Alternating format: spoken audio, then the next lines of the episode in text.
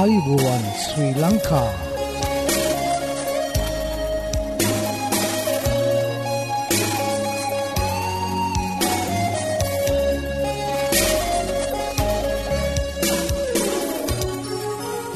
ඔබට සුපදවස මේ Adventist world radio බලාපොරොත්වය හඬ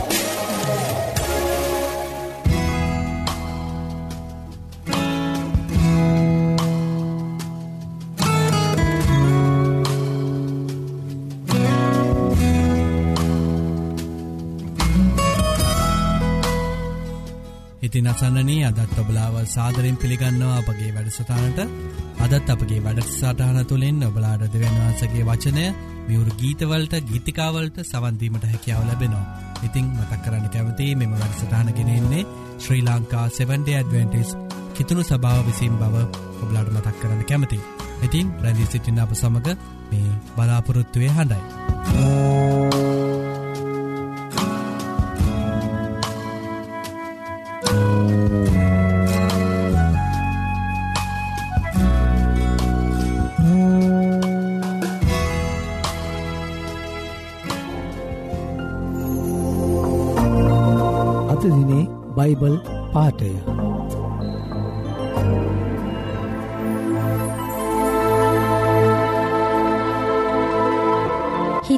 හිතෝපදේශය හත්වන පරිච්ඡේදය. එකේ සිට තුන දක්වා. මාගේ පුත්‍රය මාගේ කීම් රක්ෂා කොට මාගේ ආඥා නුඹ වෙත තබා ගනින්න. මාගේ ආඥා පවත්වා ජීවත්ව යන්න. මාගේ උපදෙස්ද නුඹේ ඇසේ කළුරුවාව මෙන් රක්ෂා කරපන්න.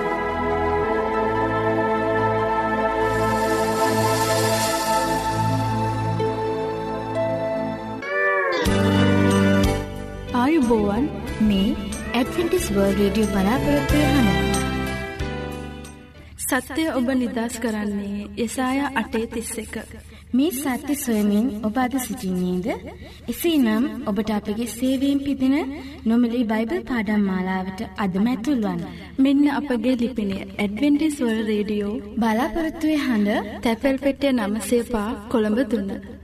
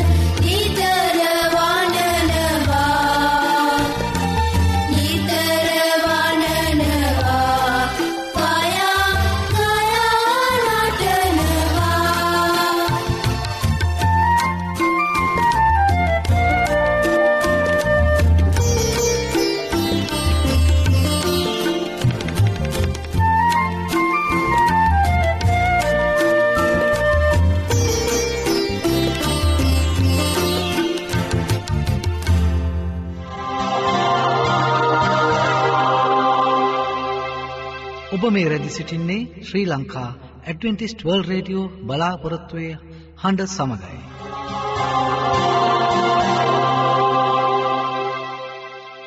ධෛර්ය බලාපොරොත්තුව ඇදහිල්ල කරුණාව සහ ආදරය සූසම්පති වර්ධනය කරමින් ආශ් වැඩි කරයි. මේ අත්හදා බැලිමිට ඔබ සූදානන්ද එසේනම් එකතු වන්න ඔබත් ඔබගේ මිතුරන් සමගින් සුවසතර පියමත් සෞඛ්‍ය පාඩම් මාලාවට. මෙන්න අපගේ ලිපිනය ඇඩවෙන්ටිස්වල් රේඩියෝ බලාපොරොත්තුවේ අඩ තැපැල් පෙටිය නම්සේ පා කොළඹ තුන්න. නැවතත් ලිපිනය ඇඩවෙන්ටිස්වර්ල් රේඩියෝ බලාපොරොත්තුවේ හඬ තැපැල් පෙටිය නමේ බිඳුවයි පහ කොළඹ තුන්න.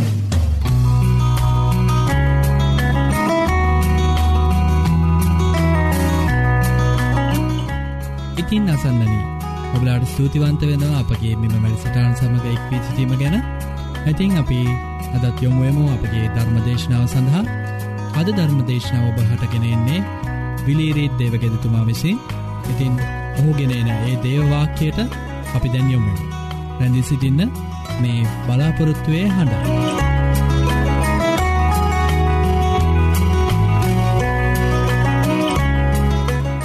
අද ඔබ සවන් දෙන දේශනාවේ තේමාව නම් බොරුසාක්ෂි දීමේ පාපය යනුවෙන් හඳුන්වාදී තිබෙනවා.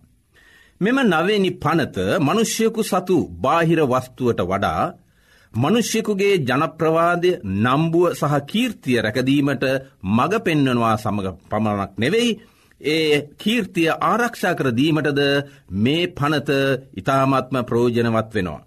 දස පනතේ අනිත් පනත් සියල්ලම මනුෂ්‍යයා ප්‍රසිද්ධියේ බාහිරව කරන ක්‍රියාවන් පෙන්නුම් කර දෙනවා. නොමුත් නවයිනි පනත අපි කතා කරන වචන ගැන අවධාරණය යොමු කරයි. මෙම නවේනි පනත දෙවියන් වහන්සේගේ නාමය ආරක්ෂා කරයි. මක්නිසාද සුද්ද ලියවිල්ලේ දෙවියන් වහන්සේගේ නාමය නිකරුණේ භාවිතා නොකරන්න යනුවෙන් සඳහන් කර තිබෙනවා. එමෙන්ම මනුෂ්‍යයන් අතරේ තිබෙන සම්බන්ධකම දෙස බලන විට මේ පනත මනුෂ්‍යයා සතු නම්බුව සහ කීර්තිය රැකදීමටද ප්‍රෝජනවත් වෙනවා. චරිතය ඔබගේ පැවැත්මෙන් ඔබ කවරෙක්ද කියා පෙන්නුම් කරයි. අනුන් ඔබ ගැන සිතන විලාසය නම්බුව යනුවෙන් හැඳින්වෙයි. ඉන් නිසා බොරුසාක්ෂිදීම තව කෙනෙකුගේ නම්බුව කීර්තිය විනාශ කරයි. නොමුත් එයට එනම් බොරු සාක්ෂියකින් කෙනෙකුගේ චරිතය විනාශ නොවේ. ඒ කොහොමද කියලා මෙම දේශනාවට සවන් දෙන ඔබ සිතනවා ඇති. යම්කිසි තැනැත්තෙක් කොයි විලසින්ද හැසිරෙන්නේ ඒ හැසිරීම කරනකොටගෙන ඔහු ඔහුගේම චරිතය කෙලසා ගනි. එසේත් නැත්තම් තමාගේ නම්බුව කීර්තිය රැකගනි. ඉන් නිසා අපේ ක්‍රියාවන් අපේ වචන අනුවයි අපේ නම්බුව රැකගන්නේ එවගේම අපේ චරිතය හැඩගස්වා ගන්නේ. බයිබලය මනුෂ්‍යකුගේ කීර්තිමත් නාමය ගැන මෙසේ පවසනවා. හිතෝපදේශ පොතේ විසි දෙවැනි පරිච්චේදේ පළවෙනි වගන්තිය මම කියවන්නම්. බොහෝ ධනයට වඩා හොඳ නමක් රන්රිදිවට වඩා කරුණාවද අගනේය. වටිනාකම්වලින් මිල කළ නොහැකි මනුෂ්‍යකු සතු ලොකුම වස්තුව නම් හොඳ නමක් නැත්තම් කීර්තියක් ලබා සිටීමය. ඕනෑම කෙනෙකුට තමාගේ චරිතය කොයි ආකාරයකින්ද හැඩගස්වා ගන්නේ යන අධිෂ්ඨානය ඔහු සතු වන්නේය. ඔහුගේ වගකීම වන්නේය. නුමුත් අපේ අසල් වැසියන් කොයි විදිහට අප ගැන සිතන්නේ කතා කරන්නේ ඒ අනුවයි අපේ කීර්තිය රැඳී පවතන්නේ. කෙනෙක් තවත් කෙනෙකුට විරුද්ධව බොරුසාක්ෂි හෝ චෝදනා එල්ලකොට චරිත ඝාතනය කරන්නට හැකියාව තිබෙනවා. සත්‍යතාවය අනුව අපේ වචන තිබිය යුතුයි. නවවෙනි පනතත් මෙසේ පවසනවා. බොරු සාක්ෂි නොකියන්න. මෙම පනත උසාවියක බොරුසාක්ෂිකීම හෙලා දකි තහනම් කරයි. බොහෝ විට පලිගැනීමේ චේතනාවෙන් බොරුසාක්ෂි දෙන අයද සිටිනවා. තවත් අය බුරුෂාක්ෂිදී ලාභ ප්‍රෝජන ලබා ගැනීමේ බලාපොරොත්තුවෙන් මේ දේවල් සිදු කරනවා. මෙයින් සිදුවෙන්නේ මහා අපරාධයක් අසාධාරණයක් දසපනත මෙවැන් ක්‍රියාදාමයන් හෙලා දකිනවා විශේෂයෙන් දසපනතේ නමවෙනි පනත. දසපනතේ නවෙනි පනත බොරුකීම් ඕපාදූප හෙලා දකිනවා. ඒද පාපයක් ලෙස පෙන්නුම් කර දෙනවා. බොරුකීම සාතනික ක්‍රියාවකි. යොහන්තුමාගේ සුභහරංචියයේ අටවෙනි පරිච්චේදේ හතලිස් හතරනි වගන්තියේ යෙසුස් වහන්සේ මෙසේ වදාලසේක. මක්නිසාද ඔහු බොරුකාරයෙක්්‍ය බොරුවේ පියාය. සෑම බොරුවක් කීමට අනුබන දෙන්නේ බොරුවේ පියාවන සාතන්‍ය. බලන් අනිත් අතින් බලන විට ඇත්ත කතා කරන අය ගැන බයිබලය පවසන්නේ කොහොමද කියලා. මම දැන් ඔබට කියවන්නම් හිතෝපදෝස පොතේ දොළොස්වනි පරිච්චේදේ විසි දෙවෙනි පදය. සවන් දෙන්න අසන්නෙනි. බොරුකාර තොල් ස්වාමින් වහන්සේට පිළිකුලක්ය. එහෙත් සැබෑ ලෙස හැසරෙන්නාට උන්වහන්සේ ප්‍රසන්නය. බොරුසාක්ෂය කියන ඕපාදූපවල යෙදී සිටින බෙහෙද ඇතිකරන පුද්ගලයින් සහ පවුල් අතර ආරවුල් ඇතිකරන අයට ගැලවීමක් නොමැති බව සුද්ද බයිබලයේ සඳහන් වී තිබෙනවා. හිතේපදේශ පොතේ දහනවිනි පරිච්චේදය පස්වනි වගන්තිය මේ ගැන මේ විදිහට විග්‍රහ කර තිබෙනවා. බොරු සාක්ෂිකාරයා දඩුවම් නොලැබ සිටි. මුසාවාදා නික්මවන්නා නිදහස් නොවන්නේය. අපේ වචන අපට සදාකාලික ජීවනය හෝ විනාශය ළඟා කර දෙනවා. විශේෂයෙන් අපේ නිෂ්පල වචන ඕපාදූප බොරුකීම් මත අපේ අනාගතය රැඳී තිබෙනවා සදාකාලික ජීවනයද රැඳී තිබෙනවා. සවන් දෙන්න යේසුස් වහන්සේ දේශනා කර ඇති සත්‍යතාවයක් සහ ධර්මතාවයක් ගැන. මතයුතුමා උන්වහන්සේගේ වචන සඳහන් කර තිබෙනවා මතයුගෙ පොතේ දොළොස්වනි පරිච්චේදේ තිස් හයවෙනි වගන්තියේ. අසන්න මම කියනදේ. තවද මනුෂ්‍යයන් කියන්නාව සියලු නිෂ්පල වචන ගැන විනිශ්චය දවසේදී උත්තර දෙන්නට වන්නේ යයි නුබලාට කියමි. මක් නිසාද නුඹලාගේ වචනවලින් නුඹ නිදස්කරුණු ලබන්නෙහිය. නුඹේ වචනවලින් නුඹ වරදට පත්කනු ලබන්නේ යැයි යේසුස් වහන්සේ කීසේක. අපි පාවිච්චි කරන වච්චන දෙස බලන විට. තවත් ඉතාම භයානක ක්‍රියාවක් වන්නේ කේලම් කීමයි. බොහෝ අවස්ථාවලදී යම්කිසි කෙනෙක් තවත් කෙනෙක් ගැන බොරුවක් ගොතා කුඩුකේඩු කමින් එය පැතරීමට උත්සහ කරනවා. එයි තාමත්ම නපුරු ක්‍රියාවක් බව සුද්ද බයිබලේ සඳහන් කර තිබෙනවා. වෛරය පිරිමහ ගැනීම පිණිස මෙසේ කේලම් කියන අයද සිටිනවා. මෙය මෝඩ ක්‍රියාවකි. උඩගු සිතක් ඇති අය මෙසේ අනුන් ගැන කේලම් කියති. කේලම් කීමේදී සත්‍යය අසත්‍යය නොසයා ඇසූ පමිණින් කරන ලද ප්‍රකාශයක් වන්නේය. කේලම් කියන අයට දෙවියන් වහන්සේගේ ආශිර්වාද නොලැබෙන්නේ. බලන්න කොපමන අවාසනාවන්ත ක්‍රියාවත්ද කියලා කේලම්කීම. මේ ගැන දවිත් රජතුමා. ගීතාවෙලියේ එකසිය එක්වනිවී පරිච්චේදේ පස්වනි වගන්තියේ එතුමා මෙසේ සඳහන් කර තිබෙනවා. යමෙක් සුවකී අසල් වැසියා ගැන රහසේ කේලම් කියයිද ඔහු විනාශ කරන්නෙමි.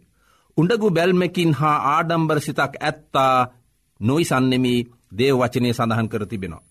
කේලම් කියන අයට රහසක් තබා ගැනීමට ඉතාමත්ම අපහසුයි. කේලම් කියන සිත් නිසා වේදනාවලින් පසුවන අයගේ ජීවිතය පවා අඳුරුවෙනවා. කේලම් නැති තැන අරුබුද පවා නැතුව යනවා.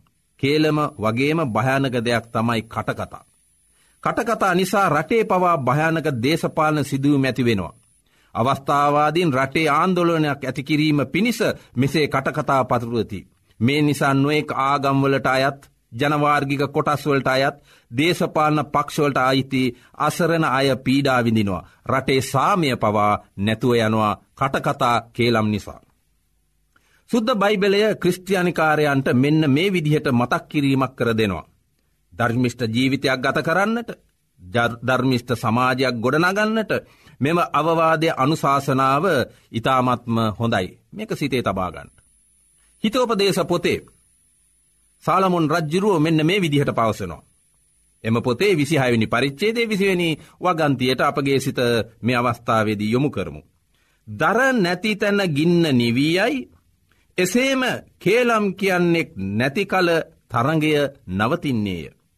කේලම් නිසා මිත්‍රකම් ප්‍රේම සම්බන්ධකම් පවුල් අතර ඇති සම්බන්ධකම් කැඩී යනවා. සියදිවි හානි කර ගැනීම් පමණක් නොව මිනීමැරුම් පවා කේලම් කීම නිසා සිදුවෙනවා. කටකතා නිසා දේශපාලන ශේස්ත්‍රයේ භයානක අපරාධ සිදුවෙනවා. රටේ සාමය පවා බිඳී යනවා රටේ ආර්ථික තත්ත්වය පවා නැතිවෙන්නට ඉඩ අවස්ථාව ලැබෙනවා. බලන්න දෙවියන් වහන්සේ මෙන්න මේ විදිහටයි මේ දේවල් මර්ධනය කරගන්නට රටේ සාමය ජීවිතේ සාමය ඇති කරගන්නට උන්වහන්සේ අවවාද අනුශාසනාදී තිබෙනවා.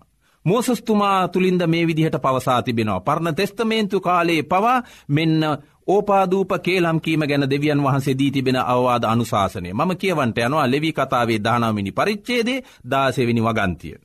නුඹේ සෙනග අතරෙහි කේලම් කියමින් ඔබ මොබ නොයන්න. නුඹේ අසල්වැසියාගේ ප්‍රාණයට විරුද්ධව නොනැගිටින්න මම ස්වාමින් වහන්සේය. පලිගැනීමේ චේතනාවෙන් නුඹගේ සෙනගගේ පුත්‍රයන්ට විරුද්ධව කිසි වෛරයක් පවත්වන්නේවත් නැතුව නුඹට මෙන් නුඹේ අසල් වැසියාට ප්‍රේම කරන්න. එසේනම් මෙවැනි නපුරු සිත් සහ ක්‍රියාවලින් වැලකී සිටීමට නම් අපේ සිතේ තිබියයුතු ප්‍රාත්ථනාව කුමක්වියයුතුද යන ප්‍රශ්නය ඔබගේ සිතේ ඇතිවෙන්නට පුළුවන් මේ අවස්ථාවේදී. මෙම ප්‍රශ්නයට උත්තරදීමට යළිත්වරක් ධවිත් රජතුමාගේ ලියවිල්ලකින් සිතේ මේ විදිහට සිතවිල්ලක් පහළ වනාම අපි කුමක්ද කරන්නේ කියන එක අපි මේ වචනය නිගෙන ගනිමු. ගීතාවලියේ එකසිය හතලිස එක්වෙනි පරිච්චේදේ තුන්වෙනි වගන්තියේ මෙන්න සිතට ශාන්තියක් ගෙන දෙන අවවාදයක් එතුමා දෙනවා. අපේ සිතේ කොයි ආකාර සිතිවිල්ලක්ද තිබෙන්ට ඕනැන්නේ කියනක මේ අවස්ථාවේදී එතුමාපට කියා දෙනවා. මම කියවන්නගේ පදය. ස්වාමීනී මාගේ කටෙහි රැකවලක් තබා මාගේ තොල් නැමැති දොර රක්ෂා කළ මැනව. මෙයයි ක්‍රස්ටයානි බැතිමතුකගේ දිනපතා යාඥාව සහ අධිෂ්ඨානය විය යුත්තේ. එසේ නම් මේ දොරවල් දෙක නැමැති තොල් දෙක පිටිපසින් තිබෙන දිව අපි ආරක්ෂා කර ගත යුතුයි. ඔබ දන්නවා ඔබ වෛද්‍යවරුකුගෙන් ප්‍රතිකාර ගන්නට යනවිට වෛද්‍යවරය ඔබගේ දිව පරීක්ෂා කරලා බලලා දිව ශරීරයේ සෞඛ්‍ය තත්ත්වය පෙන්නුම් කරනවා. දිව සුදු පාට තිබෙනවා නං බඩේ අමාරෝක්‍ය කියලා කියනවා. දිව අලුපාටට තිබෙනවා නං උගිරුව අමාරෝක්‍ය කියලා ශාරීරයේ තිබෙන්න්නාව ඒ සෞඛ්‍ය තත්ත්වය දිව බලලා කියනවා. එවගේම යමෙක් කතා කිරීමේදී භාවිතා කරන ඔහුගේ වචන ආත්මික තත්ත්ව පවා පෙන්නුම් කරනවා. අපේ දිවෙන් තමයි වචන මාත්‍රය එලිවන්නේ. සමහරය විවේචන කරන වචන සමහරය ප්‍රසංසා කරන වචන දෙවියන් වහන්සේට සාප කරන වචන මනුස්්‍යයන්ට සාප කරන වචන මේ හැම දෙයක්ම සිතින් පහළ වෙලා ඒක දිවෙන් ලෝකයාට නික්ම වෙනවා. අපි කතා කරන වචන අනුව තමයි අපගේ ආත්මික ජීවිතය මේ දිවෙන් ලෝකයාට හෙළි කරලා දෙන්නේ. අපි කතා කරනට වඩා අසන්නෝ වෙන්නට අපි පුරුදු වෙන්නට ඕන අපි බොහෝ විට කතා කරන අනිත් අයගේ වදන්වලට සවන්දීමේ අප තුළ හැකියාවක් නෑ. වචනය බහුල වූ කල වරද හිඟ නැත. එහෙත් තමාගේ තොල් ආණ්ඩු කරගන්නා නුවනැති කෙනෙක්ය. ධර්මිෂ්ටයාගේ තොල් බොහෝ දෙනෙකු පෝෂණය කරති. ධර්මිෂ්ට වචනින් කතා කරන්නාව අවස්ථාවේදී යහපත් වචනවලින් කතා කරන්නාව අතරේදී නොයෙක් දුක්කම් කටලු කරදරවලට භාජනවී සිටින්නාව අයගේ මොන ශාන්තියක්ද ඇතිවන්නේ බලන්න. දුකට පත්ව සිටින්නාව මේ අවස්ථාවේදී මේ දේශනයට සවන් දෙන බොහෝ අය ලෙඩ ඇඳේ සිටින්න ඇති.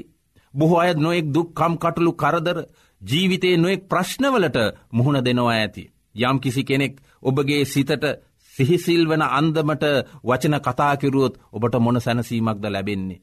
එවගේම යමෙක් ඔබව විවේචනය කරනවා නම් ඔබට නොෙක් අවලාද කතා කරනවා නම් එක එක කටකතා පතුරුවනවා නං ඔබේ තියෙන මේ තත්ත්වය තවත් දෙගුණ තෙගුණ වෙනවා නේද. තවත් අපි කරන බොරු සාක්ෂයක් තමයි ඉච්චා බස් දොඩවීම. වෙන විදිහකින් කියෝතොත් වෙනත් කෙනෙකු බොරුවට ප්‍රසංසා කිරීම. එසේ කිරීමෙන් තවත් කෙනෙකුගේ සිත දිනාගන්න උත්සාහ දැරීමක් වෙනවා නේද.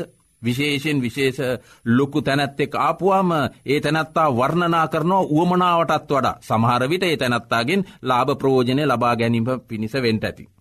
එනිසා සුද්ද බයිබිලේ කියලා තිබෙන මේ ඉච්චා බස් දෙඩවීම පවා පාපයක් හැටියටයි සලකුණු ලබන්නේ. තවත් පාපිෂ්ට ක්‍රියාවක් වන්නේ අනිත් අයගේ වැරදි සෙවීමයි. ඕපාදූප සමග අතින් අත ගෙන සිදුවෙන ක්‍රියාවකී අනුන්ගේ වැරදි සෙවීම. මෙවැනි අධර්මිෂ්ට ක්‍රියාවලින් අප ආරක්ෂා කර ගැනීමට දෙවියන් වහන්සේ දසපනතයේ නවවෙනි ආග්ඥාව දුන්සේක. අපි කියන්නේ බොරු සාක්ෂි නොකයා කියන්නේ බොරු සාක්ෂි නොකිව කියලා කියන්නේ බොරු සාකයක් කියනවා පමණක් නෙවෙයි. අනුන්ගේ වැරදි සෙවීම ඕපාදූප ඒවාගේම ඉච්චා බස් දෙඩවීම මේ හැම දෙයක්ම අනිත් අයට සිද්ධ වෙන්නාව අසාධාරණයක් වගේම අනිත් අයගේ සිත් වේදනාවක් ඇති කරන සිද්ධීන් නිසා ස්වාමින් වහන්සේ මේවා වලක්වා ගැනීමට අපේ ජීවිතය ධර්මිෂ්ට මාර්ගය ගෙනයම පිණිසයි උන්වහන්සේ මේ ඉතාමත්ම වැදගත් ආග්ඥාවක් අපට දීතිබෙන්නේ. ඉන් නිසා මාගේ ප්‍රිය අසන්නෙන. අපි දන්නවා යේසුස් කෘස්තුස් වහන්සේගේ දෙවන පැමිණීම ඉතාමත්ම ළඟයි. ඉන්නිසා උන්වහන්සේගේ පැමිණීම බලාපොරොත්වෙන්නාව අය උන්වහන්සේට කීකරුවී උන්වහන්සේගේ ආග්ඥාපනද්ද පවත්වන්නු වෙනවා උන්වා ඒසු වහන්සේ කියෙන නුබලා මට ප්‍රේම කරන්නේ නම් නුබලා මාගේ ආග්ඥාපනත් රක්ෂා කරන්නේ කියලා සෑම ක්‍රස්තියානි භක්තිකයකුටම උන්වහන්සේ මෙයාකාරෙන් ආයාචනයක් කර තිබෙනවා. දැන් අපි බලමු සුද්ද බයිබලේ සඳහන් කරලා තිබෙනවා යේසුස් කෘස්තුස් වහන්සේගේ දෙවන පැමිණීම බලාපොරොත්වෙන්නාව අයගේ තිබෙන්නාව චරිත ගුණාංග සහ චරිත ලක්ෂණ ස්වල්පයක් සුද්ද බයිබලේ මෙසේ සඳහන් කරලා තිබෙනවා මේක සැපනියාගේ පොතේ තුන්ගනි පරිච්චේදේ දහතුන්ගනි වගන්තියත් එලිදරව පොතේ දාහතරණි පරිච්චේදේ පස්වනි වගන්තයේ සිට මේ විදිහට සඳහන් කරලා තිබෙනවා. මෙන්න ඒසුස් වහන්සේ දෙවැනිවර්ට මේ ලෝකෙට එන්න අවස්ථාවේදී සිටින්නාව සෙනගගේ යළිත්තරක් වූ පරිදි ඒ තිබෙන්නාව ගුණාංග සහ ලක්ෂණ. මේක අද ක්‍රස්තියානි ලෝකයේ සිටින්නාව අයටත් බලපානවා. ඒසුස් වහන්සේගේ දෙවන පැමිණීම බලාපොරොත්තුවෙන අයගේ ක්‍රිස්තියානි ජීවිතයේ මෙන්න මේ විදිහට අයි විග්‍රහ කර තිබෙන්නේ. ඊස්රායල්ගෙන් ඉතිරි අය අයිතුකාමක් නොකරන්නේය බොරු නොකියන්නෝය වංචාදිවක් ඔවුන්ගේ මුකවල සම්බ නොවන්නේය ඔහු නොකැලැල්ව සිටිති. මාගේ ක්‍රස්තියානි බැතිමතුනී ඔබ ඒසු ක්‍රිස්තුස් වහන්සේගේ දෙවන පැමිණීම බලාපොරොත්තුවෙන් සිටිනවා නම් මේ ගුණාංග ඔබ තුළ තිබෙනවාද අන්න ඒ ගැන ටිකක් මේ අවස්ථාවේදී සිතන්න. උන්වහන්සේගේ දෙවන පැමිණීම බලාපොරොත්තුවන ඔබත් අසල් වැසියාට ප්‍රේම කරන්න. ආග්ඥා පවත්වමින් ධර්මිෂ්ට මාර්ගයේ ඇදලිවන්තව ගමන් කරන්ට. සිතින් වචනයෙන් සහ ක්‍රියාවෙන් දෙවියන් වහන්සේට ගෞරය කරන්නට. ධර්මිෂ්ට සමාජයක් බිහි කරන්නට නං ධර්මිෂ්ට මාර්ගයක ගමන් කරන්නට නං ඒසුස් කෘස්තුස් වහන්සේගේ සිතම අප තුළ පවතීවා. ඒවාගේම ඒසුස් කෘස්තුස් වහන්සේ දෙවියන් වහන්සේගේ ආජ්ඥාපනත් රක්ෂාකොට මනුෂාකාරයෙන් සිටියාව උන්වහන්සේ උන්වහන්සේගේට කීකරුණාසේම අපිත් උන්වහන්සේගේ අනුගාමිකයන් වන හෙයින් උන්වහන්සේගේ ආග්ඥා පනත් රක්ෂාකොට අපි උන්වහන්සේගේ ධර්මිෂ්ඨකමේ මාර්ගය ගමන් කරමු අන්න එවිට අපගේ ජීවිතය ධර්මිෂ්ට වන්නේය. එවගේම අපේ සමාජය ධර්මිෂ්ට වන්නේය අපි ජීවත්වෙන රටද ධර්මිෂ්ට දේශයක් වන්නේය. මෙන්න මේ දේවල් සිතේ ධාරණය කරගෙන මේ දස ආග්ඥාවේ නවවෙනී පනතට සවන්දුන්නාව ඔබත්. අසල් වැසියාට ප්‍රේම කරන්න බොරු සාක්ෂයලින් වැලකී සිටින්ට ස්වාමින් වහන්සේට ඔබගේ මුකෙන් ඔබගේ දිවෙන් ඔබගේ තොල්වලින් උන්වහන්සේට ප්‍රසංසා කරන්න. මේ වැඩ සටහනට සවන් දෙන්නාව වසන්නෙන ඔබ සියලු දෙනාටම මෙවැන් යහපත් වූ ජීවිත රටාවක් ගොඩනගන්නට දෙවියන් වහන්සේගේ ආශිරුවාද ලැබෙත්වා.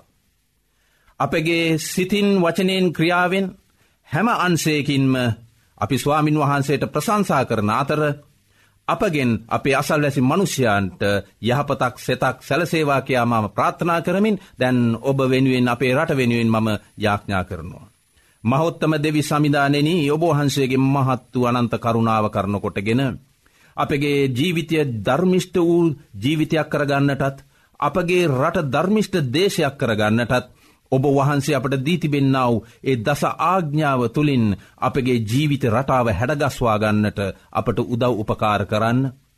අපි නොෙක් දුක්කම් කටලු කරදරවලට මුහුණ පාතිබෙනවා ස්වාමීණි. ඒ හැම කරදරයකින්ම අපට මිදීමට ඔබවහන්සේ අපගේ සිත් ශක්තිමත් කරන්ට අපගේ සිත්වලට ඔබහන්සේ දහිරියදෙන්ට. දෙවි සමිධානන අපගේ වචන මාත්‍රණ විශේෂයෙන්ම අපගේ තිබෙන්නාව මෙ දිව පාලනය කරගෙන. වචන ප්‍රකාශ කරන්නෝ පමණක් නොව අනිත් අයගේ බස්වලට සවන්දී අන්‍යෝන්‍ය ප්‍රේම සම්බන්ධකමකින් යටහත් පහත්කමකින් අනිත් අයගේ තිබෙන්නාව දුර්වලකම් දැනගෙන එය විවේචනය නොකට ඒ අය වෙනුවෙන් යාඥා කරමින් ඒ අයගේ තිබෙන්නාව දුර්වලකම්වලින් ගොඩ එන්නටද අපගේ දුර්වලකම් ගොඩවී යහපත් වූ ධර්මිෂ්ට ජීවිතයක් ගත කරන්නට. අපට ආශිර්වාද කරන්ටකයා ඉල්ලමින් අපේ රටේ සිටින සියලුම ආගම් ජාතිවලට අයත් සියලුම රටවැසියන්ටත් අපේ රාජ්‍ය පාලකයන්ටද ඔබවහන්සේගේ බල මහිම්‍ය මඟ පෙන්වීම ඔබවහන්සේගේ ධර්මිෂ්ඨකමේ ආලෝකය අපේ රටතුර බැබලේවාකයා ප්‍රාර්ථනා කරමින් අපි ඔබවහන්සට යාඥා කරන්නේ ස්වාමියූ යේසුස් වහන්සේගේ අතිමහත් වූ නාමය නිසාමය ආමේෙන්. අසන්නන්නේ ඔබ මේ රැඳී සිටින්නේ ඇඩ්වෙන්ටිස් වර්ල්ඩ් රේඩියෝ බලාපොරොත්තු වෙන හඬ සමග.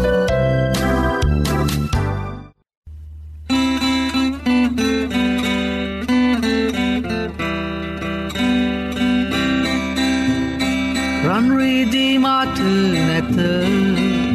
ඇති දේනුඹට දෙන්නේමි. නසරීය යේසුස්ගේ නාමයින් නැගීට හැවිදින්න. ඇවිදීමින් හැනනගිමින් ස්තුතියි කරා. ඇවිදීමින් හැනනගිමින් ස්තුතියි කරා. නසරීය යේසුස්ගේ නාමයින් නැගීට හැවිදින්න.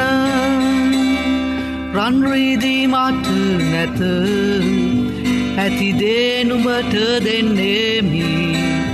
නසරීය යේසුස්ගේ නාමයින් නැගීට හැවිදින්න.